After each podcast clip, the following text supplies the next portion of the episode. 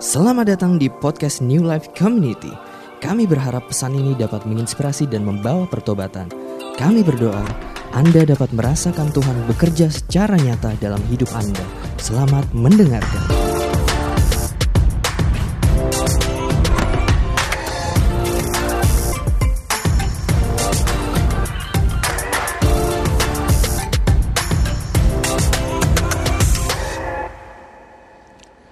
Oke, um, shalom semua.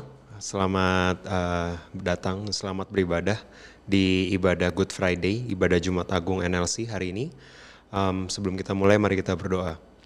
Bapak kami mengucap syukur Tuhan untuk Engkau yang sudah mengumpulkan setiap kami di mana pun kami berada. Di pagi hari ini Tuhan kami berdoa biar Engkau yang berbicara melalui hambamu apa yang disampaikan hari ini Tuhan kami bisa mengingat Tuhan kematian Engkau, mengingat karyamu yang begitu besar buat kehidupan kami dan membawa perubahan dalam kehidupan kami, cara kami berpikir ya Tuhan. Terima kasih Bapak, di dalam nama Yesus kami siapkan hati dan pikiran kami. Amin. Right, jadi Good Friday atau Jumat Agung uh, biasa uh, sering kali kita rayakan um, lumayan sempat ada signifikan uh, yang kita ingat waktu zaman-zaman film Passion of the Christ kita melihat uh, kita bisa membayangkan berimajinasi dengan baik bagaimana Yesus di, di, disiksa, bagaimana Yesus di, disalibkan dan lain sebagainya. But uh, if you like me dan sudah bertahun-tahun menjadi uh, orang percaya, kita mulai uh, saya rasa banyak dari kita yang sudah mulai kehilangan makna dari dari dari Good Friday atau makna dari kematian Yesus uh, untuk menebus dosa kita. um, waktu Yesus mati di atas kayu salib, waktu dia mati uh, dan dan menebus kita, uh, dia mati specifically untuk dosa kamu dan saya. Tapi yang sering kali terjadi adalah kita mulai uh, punya tendensi untuk uh, mendefinisi ulang uh, dosa bukan sebagai dosa tetapi sebagai suatu kebiasaan buruk atau suatu kelemahan dan lain sebagainya. Kita tidak lagi menyebutnya sebuah dosa yang uh, seharusnya merupakan ke kekejian dan kejijian buat Tuhan, kita mulai menyebutnya sebagai bad habit dan lain sebagainya. Kita mulai menormalize dosa-dosa kita dan kita mulai berpikir bahwa kalau semua orang melakukannya dan gak ada konsekuensinya, why not, right? Nah di uh, ibadah Jumat Agung hari ini kita akan uh, mencoba uh, untuk mempelajari apa yang Yesus actually um, lakukan atau contohkan di jam-jam terakhirnya dan yang saya percaya bisa kita hidupi buat setiap kita dan menjadi bekal di Good Friday ini. Lukas 23 Lukas 23 ayat 26 berkata demikian. Ketika mereka membawa Yesus, mereka menahan seorang yang bernama Simon dari Kirene yang baru datang dari luar kota, lalu diletakkan salib itu di atas bahunya supaya dipikulnya sambil mengikuti Yesus. Sejumlah besar orang mengikuti dia, di antaranya banyak perempuan yang menangisi dan meratapi dia. Yesus berpaling kepada mereka dan berkata, Hai putri-putri Yerusalem, orang-orang yang di sekitar situ, Janganlah kamu menangisi aku, melainkan tangisilah dirimu sendiri dan anak-anakmu. Sebab lihat akan tiba masanya orang berkata, berbahagialah perempuan mandul dan, dan yang rahimnya tidak pernah melahirkan dan yang susunya tidak pernah menyusui. Maka orang akan mulai berkata kepada gunung-gunung, runtuhlah menimpa kami dan kepada bukit-bukit timbunilah kami. Sebab jikalau orang berbuat demikian dengan kayu hidup, apakah yang akan terjadi dengan kayu kering? Dan ada juga digiring dua orang lain yaitu dua penjahat untuk dihukum mati bersama-sama dengan dia. Jadi scene-nya waktu itu adalah Yesus lagi bawa salib dan di sekelilingnya banyak uh, putri Yerusalem atau wanita-wanita yang tinggal di Yerusalem. Dan mereka mulai menangisi dia karena mereka melihat betapa tersiksanya Yesus. Dan lebih dari itu I mean kalau cuma disalib ham, mungkin lebih bu, bukan sesuatu yang jarang di masa itu. Tapi kenapa mereka menangis? Mungkin mereka sudah mendengar bahwa orang ini tidak ada kesalahannya, bahwa orang ini adalah seorang rabi, bahwa orang ini actually membawa banyak solusi dan membawa banyak miracles atau mujizat eh, di kehidupan orang-orang yang ada di di Galilea, di luar Yerusalem dan sekitarnya. Tapi actually orang ini di, di, disalibkan. Mungkin ini yang menyebabkan Eh, wanita-wanita ini mulai menangis. Tapi waktu Yesus berkata kepada mereka, jangan menangis, tangisilah uh, dirimu sendiri. Dan jikalau orang berbuat demikian dengan kayu hidup, apakah yang akan terjadi dengan kayu kering? Apa yang sedang Yesus bicarakan? Actually di sini Yesus sedang mengingatkan kita bahwa kita hidup di dunia yang broken. Kita hidup dengan sistem yang berantakan dan kita hidup di tengah-tengah dunia yang value-nya berantakan. Jadi kalau Yesus aja yang hidupnya tidak bercacat dan tidak bercela, tapi bisa mati di atas kayu salib, ini menunjukkan bahwa bisa dizolimi seperti ini. Ini menunjukkan bahwa sistemnya dunia itu broken. Preference-nya dunia itu broken. Value-nya dunia ini broken. Kalau kamu menangis, kata Yesus, jangan tangisi aku, tangisi dirimu sendiri because you live in a broken world. We live in a broken world. Setiap hari kita dibombardir dengan value-value yang sepertinya ada signifikan, kita dibombardir dengan preference-preference yang sepertinya signifikan, kita dibombardir dengan dengan kompas moral yang sepertinya signifikan, um, rat race, kejar-kejaran yang sepertinya signifikan, achievement yang sepertinya signifikan, tapi Tuhan berkata, this is a broken world, we live in a broken world karena dosa. Kita hidup di sistem yang berantakan, kita hidup di value yang berantakan. Right? Jadi yang Yesus bilang kepada mereka no uh, to to have a, a, a, a opportunity atau untuk kamu memiliki sebuah kesempatan yang baik uh, jangan simpati sama Yesus bertobat bertobat jauh lebih penting daripada sekedar simpati dan menangis dengan torture yang mereka lihat dalam diri Yesus. Nah, Yesus lagi bilang sama mereka seperti ini bahwa kalau saja uh, orang yang seperti Yesus yang tidak tidak berdosa bisa mengalami atau uh, dizolimi sampai ke level yang disalib dan disiksa, apalagi kita yang berdosa, apalagi kamu dan saya yang berdosa, apalagi orang-orang Yahudi dan orang-orang Romawi yang waktu itu um, menghukum orang yang tidak bersalah, right? So pelajaran pertama adalah Hmm, jangan cuma nangis dengan melihat kematian Yesus, jangan cuma bersedih atau simpati dengan apa yang Yesus lewati ketika dia dari disiksa sampai disalibkan, bertobat.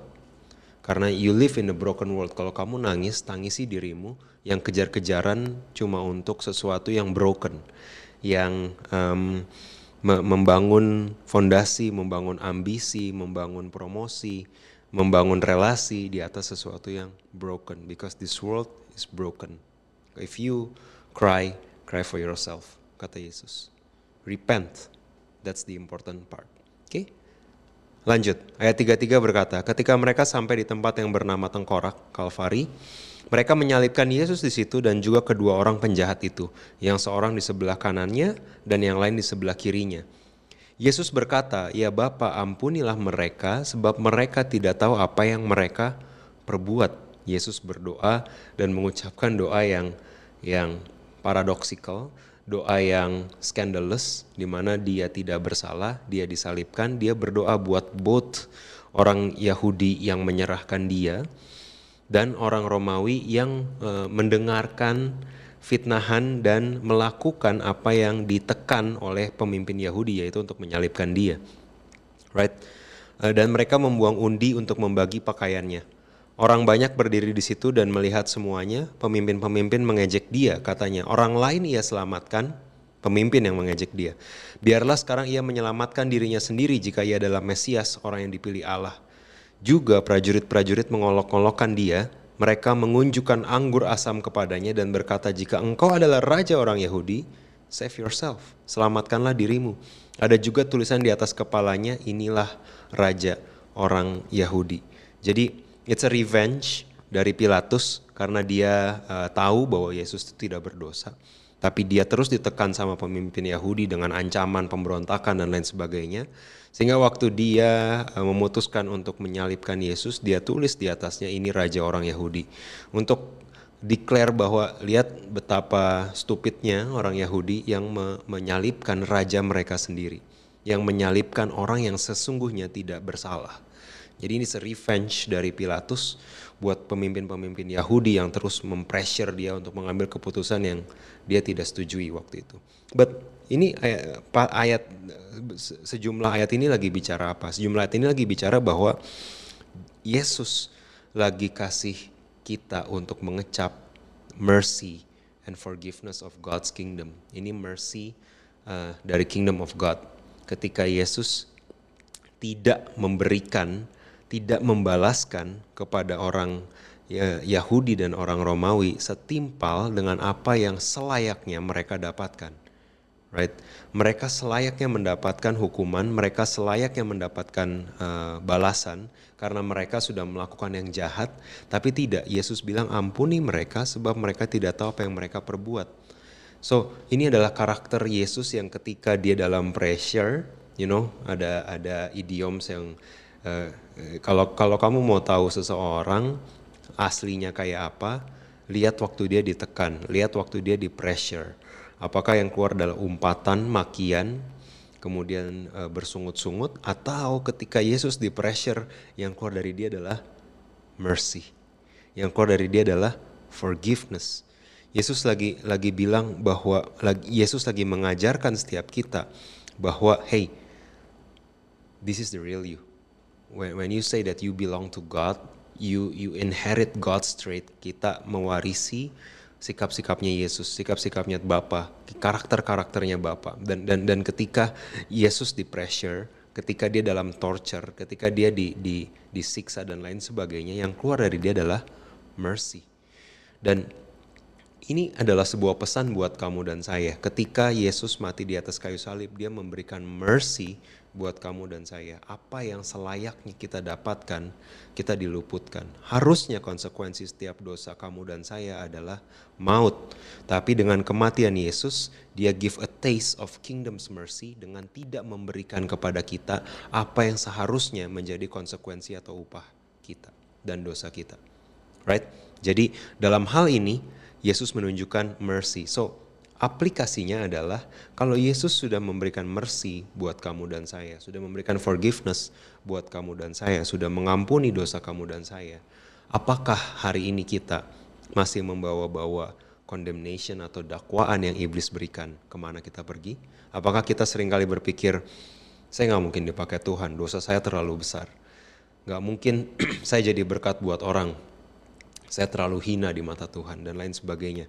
Semua dakwaan yang iblis lemparkan adalah konsekuensi dari dosa. Betul, betul. Salah satu konsekuensi dari dosa adalah dakwaan yang terus iblis iblis lemparkan buat kamu dan saya. But the truth is, waktu Yesus mati di atas kayu salib, His mercy overflown to you and me.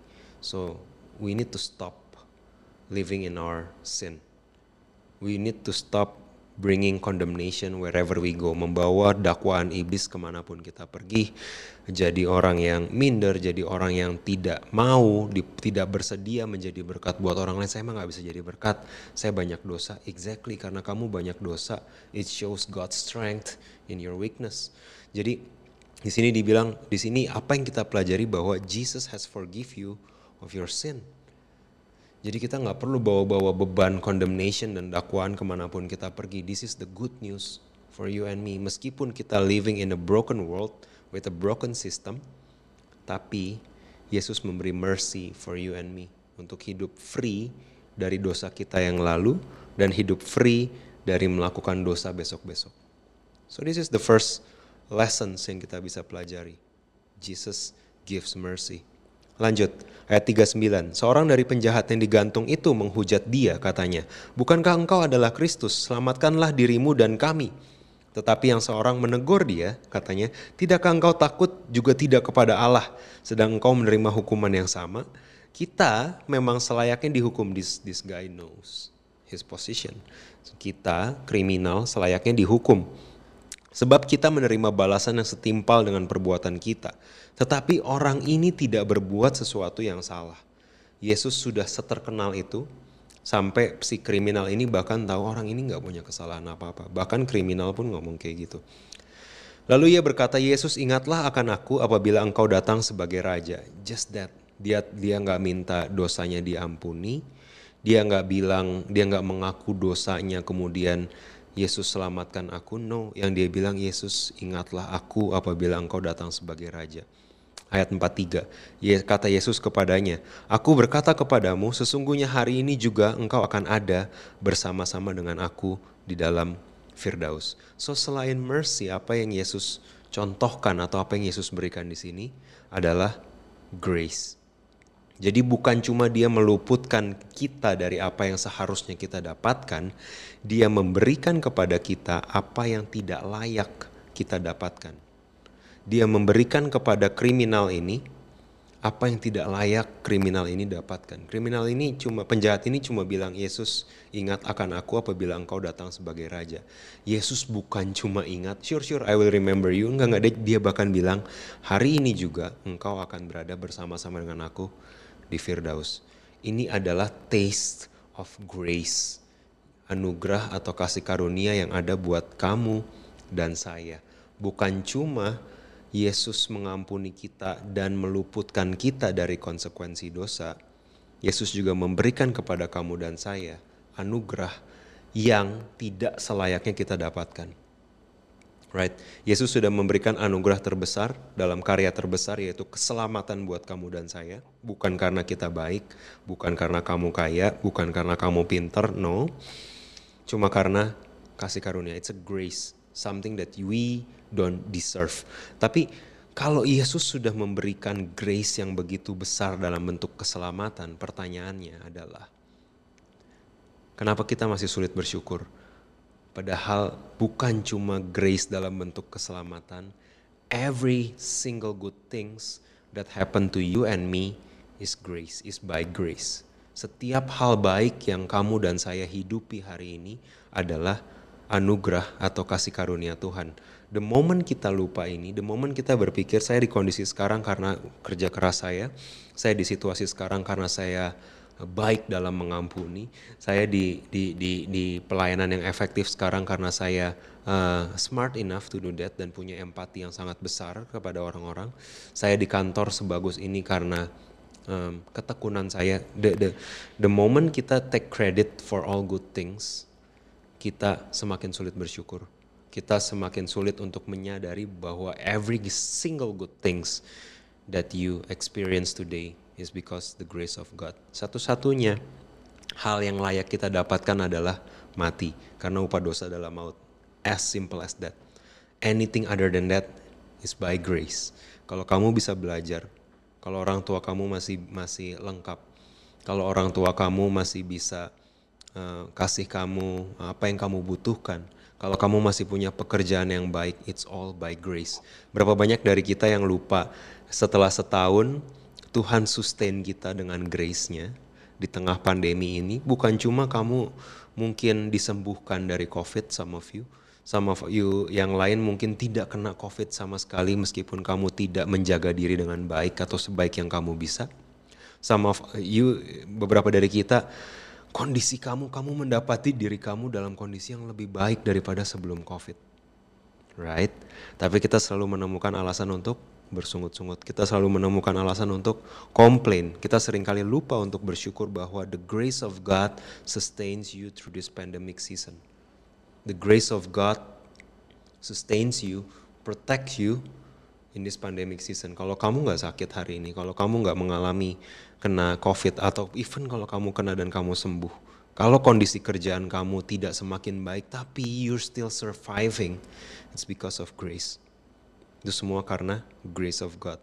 Jadi, kalau kita memahami bahwa semua good things yang kita hidupi adalah by the grace of God, we will be living in a hati yang dengan hati yang bersyukur.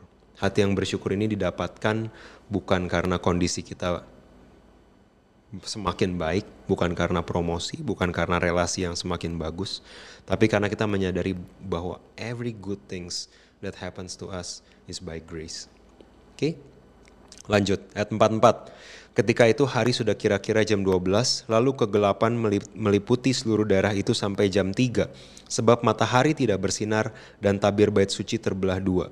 Lalu Yesus berseru dengan suara nyaring, "Ya Bapa, ke dalam tanganmu kuserahkan nyawaku dan sesudah berkata demikian ia menyerahkan nyawanya ya Bapa ke dalam tanganmu kuserahkan nyawaku ini adalah sebuah kematian yang paling mengerikan yang paradoxically adalah sebuah unity yang paling sempurna ketika Yesus mati dengan cara paling mengerikan meskipun hidup dengan paling sempurna meskipun hidup sebagai manusia yang paling berkenan right? Kalau ada kalau ada manusia di sepanjang masa, menurut saya yang yang waktu mati itu tidak ada penyesalan sama sekali, itu Yesus harusnya. Itu Yesus. Kenapa dia tidak ada penyesalan sama sekali? Kenapa kenapa waktu dia mati dia bisa bilang Bapak ke dalam tanganmu, kuserahkan nyawaku, fullness. Dia dia mati, dia hidup secara full. Dia mati empty karena semua kehendak Bapa sudah dilakukan sama dia. Why? Why? Jawabannya satu, karena Yesus menunjukkan kepada kita ketaatan yang sempurna. So ketaatan yang sempurna atau ketaatan kepada Allah ini yang membawa kepada hidup yang fulfilling. Kita belajar fulfillment di NLC sepanjang tahun ini. Kita mencoba mengejar fulfillment atau kepenuhan dalam hidup melalui banyak hal. Kita merasa bahwa kepenuhan adalah brand yang semakin besar. Kepenuhan adalah uh, memasuki rumah uh, kehidupan berumah tangga. That's the true fulfillment.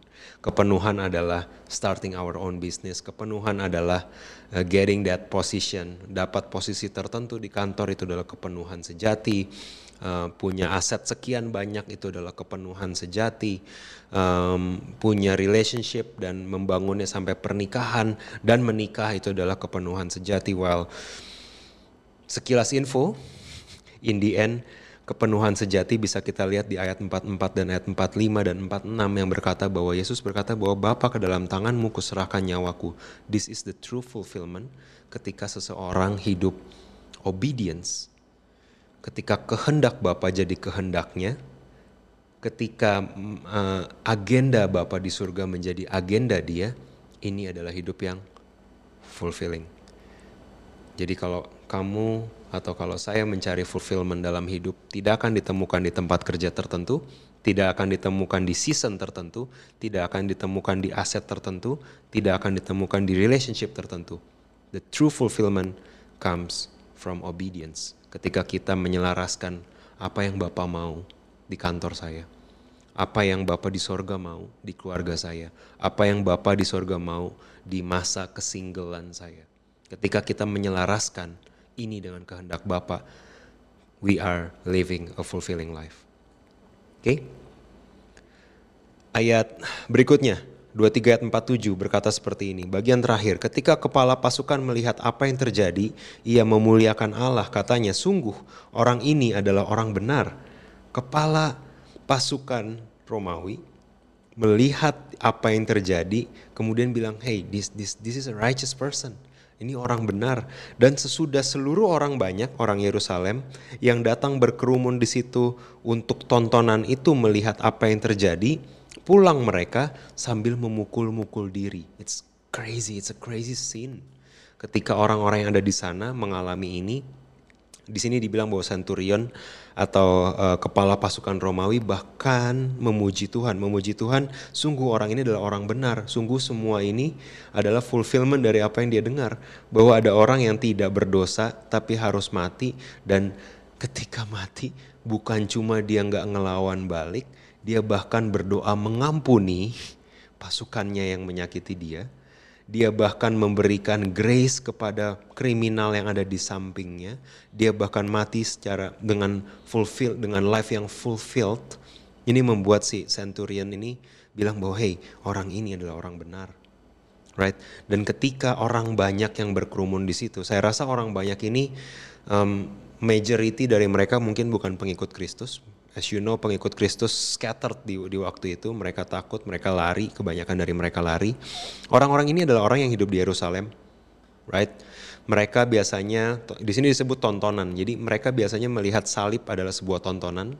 Mati lu mati lu gitu kan. Ada kriminal yang super jahat mati di salib kayak yay good cheering for for the death of the bad people. Tapi waktu mereka melihat Yesus dan mendengar apa yang Yesus katakan di salib apa yang terjadi? Pulanglah mereka sambil memukul-mukul memukul-mukul diri. Can you imagine uh, this crowd yang tadinya beberapa ngeludahin dia, yang tadinya beberapa mungkin uh, mengolok-ngolok dia, melihat apa yang Yesus katakan. Mereka nggak dengar banyak perumpamaan, mungkin mereka nggak dengar banyak um, mereka nggak melihat banyak kesembuhan yang Yesus bawa ketika mereka melihat this mercy mereka melihat this grace overflowing, mereka melihat this perfect obedience to Father God, ini membuat mereka pulang dan memukul-mukul diri. Many scholars believe, banyak dari uh, uh, cendekiawan Alkitab yang percaya bahwa ketika orang banyak melihat Yesus disalib dan mati, ini adalah fondasi. Waktu beberapa hari setelahnya, beberapa minggu setelahnya, waktu um, Petrus, waktu Roh Kudus turun, terjadi Pentakosta, Petrus berkhotbah dan 3000 orang uh, bertobat di hari itu. Itu tidak tidak serta merta, tapi 3000 orang itu likely mereka adalah bagian dari yang melihat this Jesus yang mati dengan grace, dengan mercy dan dengan full obedience di hadapan Bapa. So the message is this. Kenapa Jumat Agung penting? Kenapa Good Friday is actually good? Karena our sin is real. Dosa kamu dan saya itu benar, benar-benar menjijikan. Dosa kamu dan saya itu benar-benar uh, kekejian buat Tuhan. But at the same time, Yesus mati untuk sesuatu yang tidak layak dia jalani. Konsekuensi dosa yang harusnya jadi bagian kita diambil buat dia dan dia mati di atas kayu salib supaya apa? At the beautiful exchange is that konsekuensi hidup benar yang harusnya milik dia sekarang jadi bagian kamu dan saya. Got it? Konsekuensi orang benar, konsekuensi hidup benar di hadapan Bapa dengan favor, dengan grace, dengan mercy yang harusnya dimiliki orang benar, itu jadi milik kita dan konsekuensi kita sebagai orang berdosa diambil. Can you imagine any other God that do this? Not your money, your money cannot do this. Your achievement cannot do this. Your popularity cannot do this. Only one true God can do this, Jesus. Mari kita berdoa. Bapak kami mengucap syukur untuk firman yang kami dengar. Kami berdoa Tuhan biar kami hidup bisa mengikuti uh, apa yang sudah kau tunjukkan di jam-jam terakhirmu untuk hidup menerima mercy, meresponi mercy daripadamu dengan benar, tidak menganggap remeh pengampunan yang sudah kau berikan, menghidupi pengampunanmu dengan lepas, hidup lepas dari pendakwaan yang iblis mungkin lemparkan setiap hari kepada kami. Kami berdoa Tuhan supaya kami hidup dengan grace, supaya kami hidup menyadari bahwa uh, being grateful bahwa every little good things that happen to us is by grace. Bahwa semua kemampuan kami, semua kesehatan kami, semua proteksi, semua uh, kepemilikan kami, apa yang dipercayakan Tuhan buat kami semuanya adalah by grace. And we are uh, living a grateful, being grateful for that. kami berdoa Tuhan, kami meresponi Jumat Agung ini dengan live in a full obedience atau mengejar obedience yang sempurna. Kami berdoa biar apa yang menjadi pandanganmu menjadi pandangan kami, apa yang menjadi isi hatimu menjadi isi hati kami, apa yang menjadi agendamu menjadi agenda kami, so we can live a fulfilling life. Kami mengucap syukur Bapak, mengucapkan berkat buat setiap teman-teman yang mendengarkan, biar kami uh, bisa menghidupi apa yang kami dengar hari ini, biar Roh Kudus yang memateraikan dan mengajarkan kami untuk hidup dalam ketaatan hari demi hari. Dalam nama Yesus kami berdoa. Amin. Terima kasih sudah mendengarkan podcast ini. Kami berdoa Anda diberkati melalui pesan yang telah disampaikan. Mari sapa kami melalui Instagram @newlifec dan bagikan pesan ini supaya lebih banyak orang yang diberkati.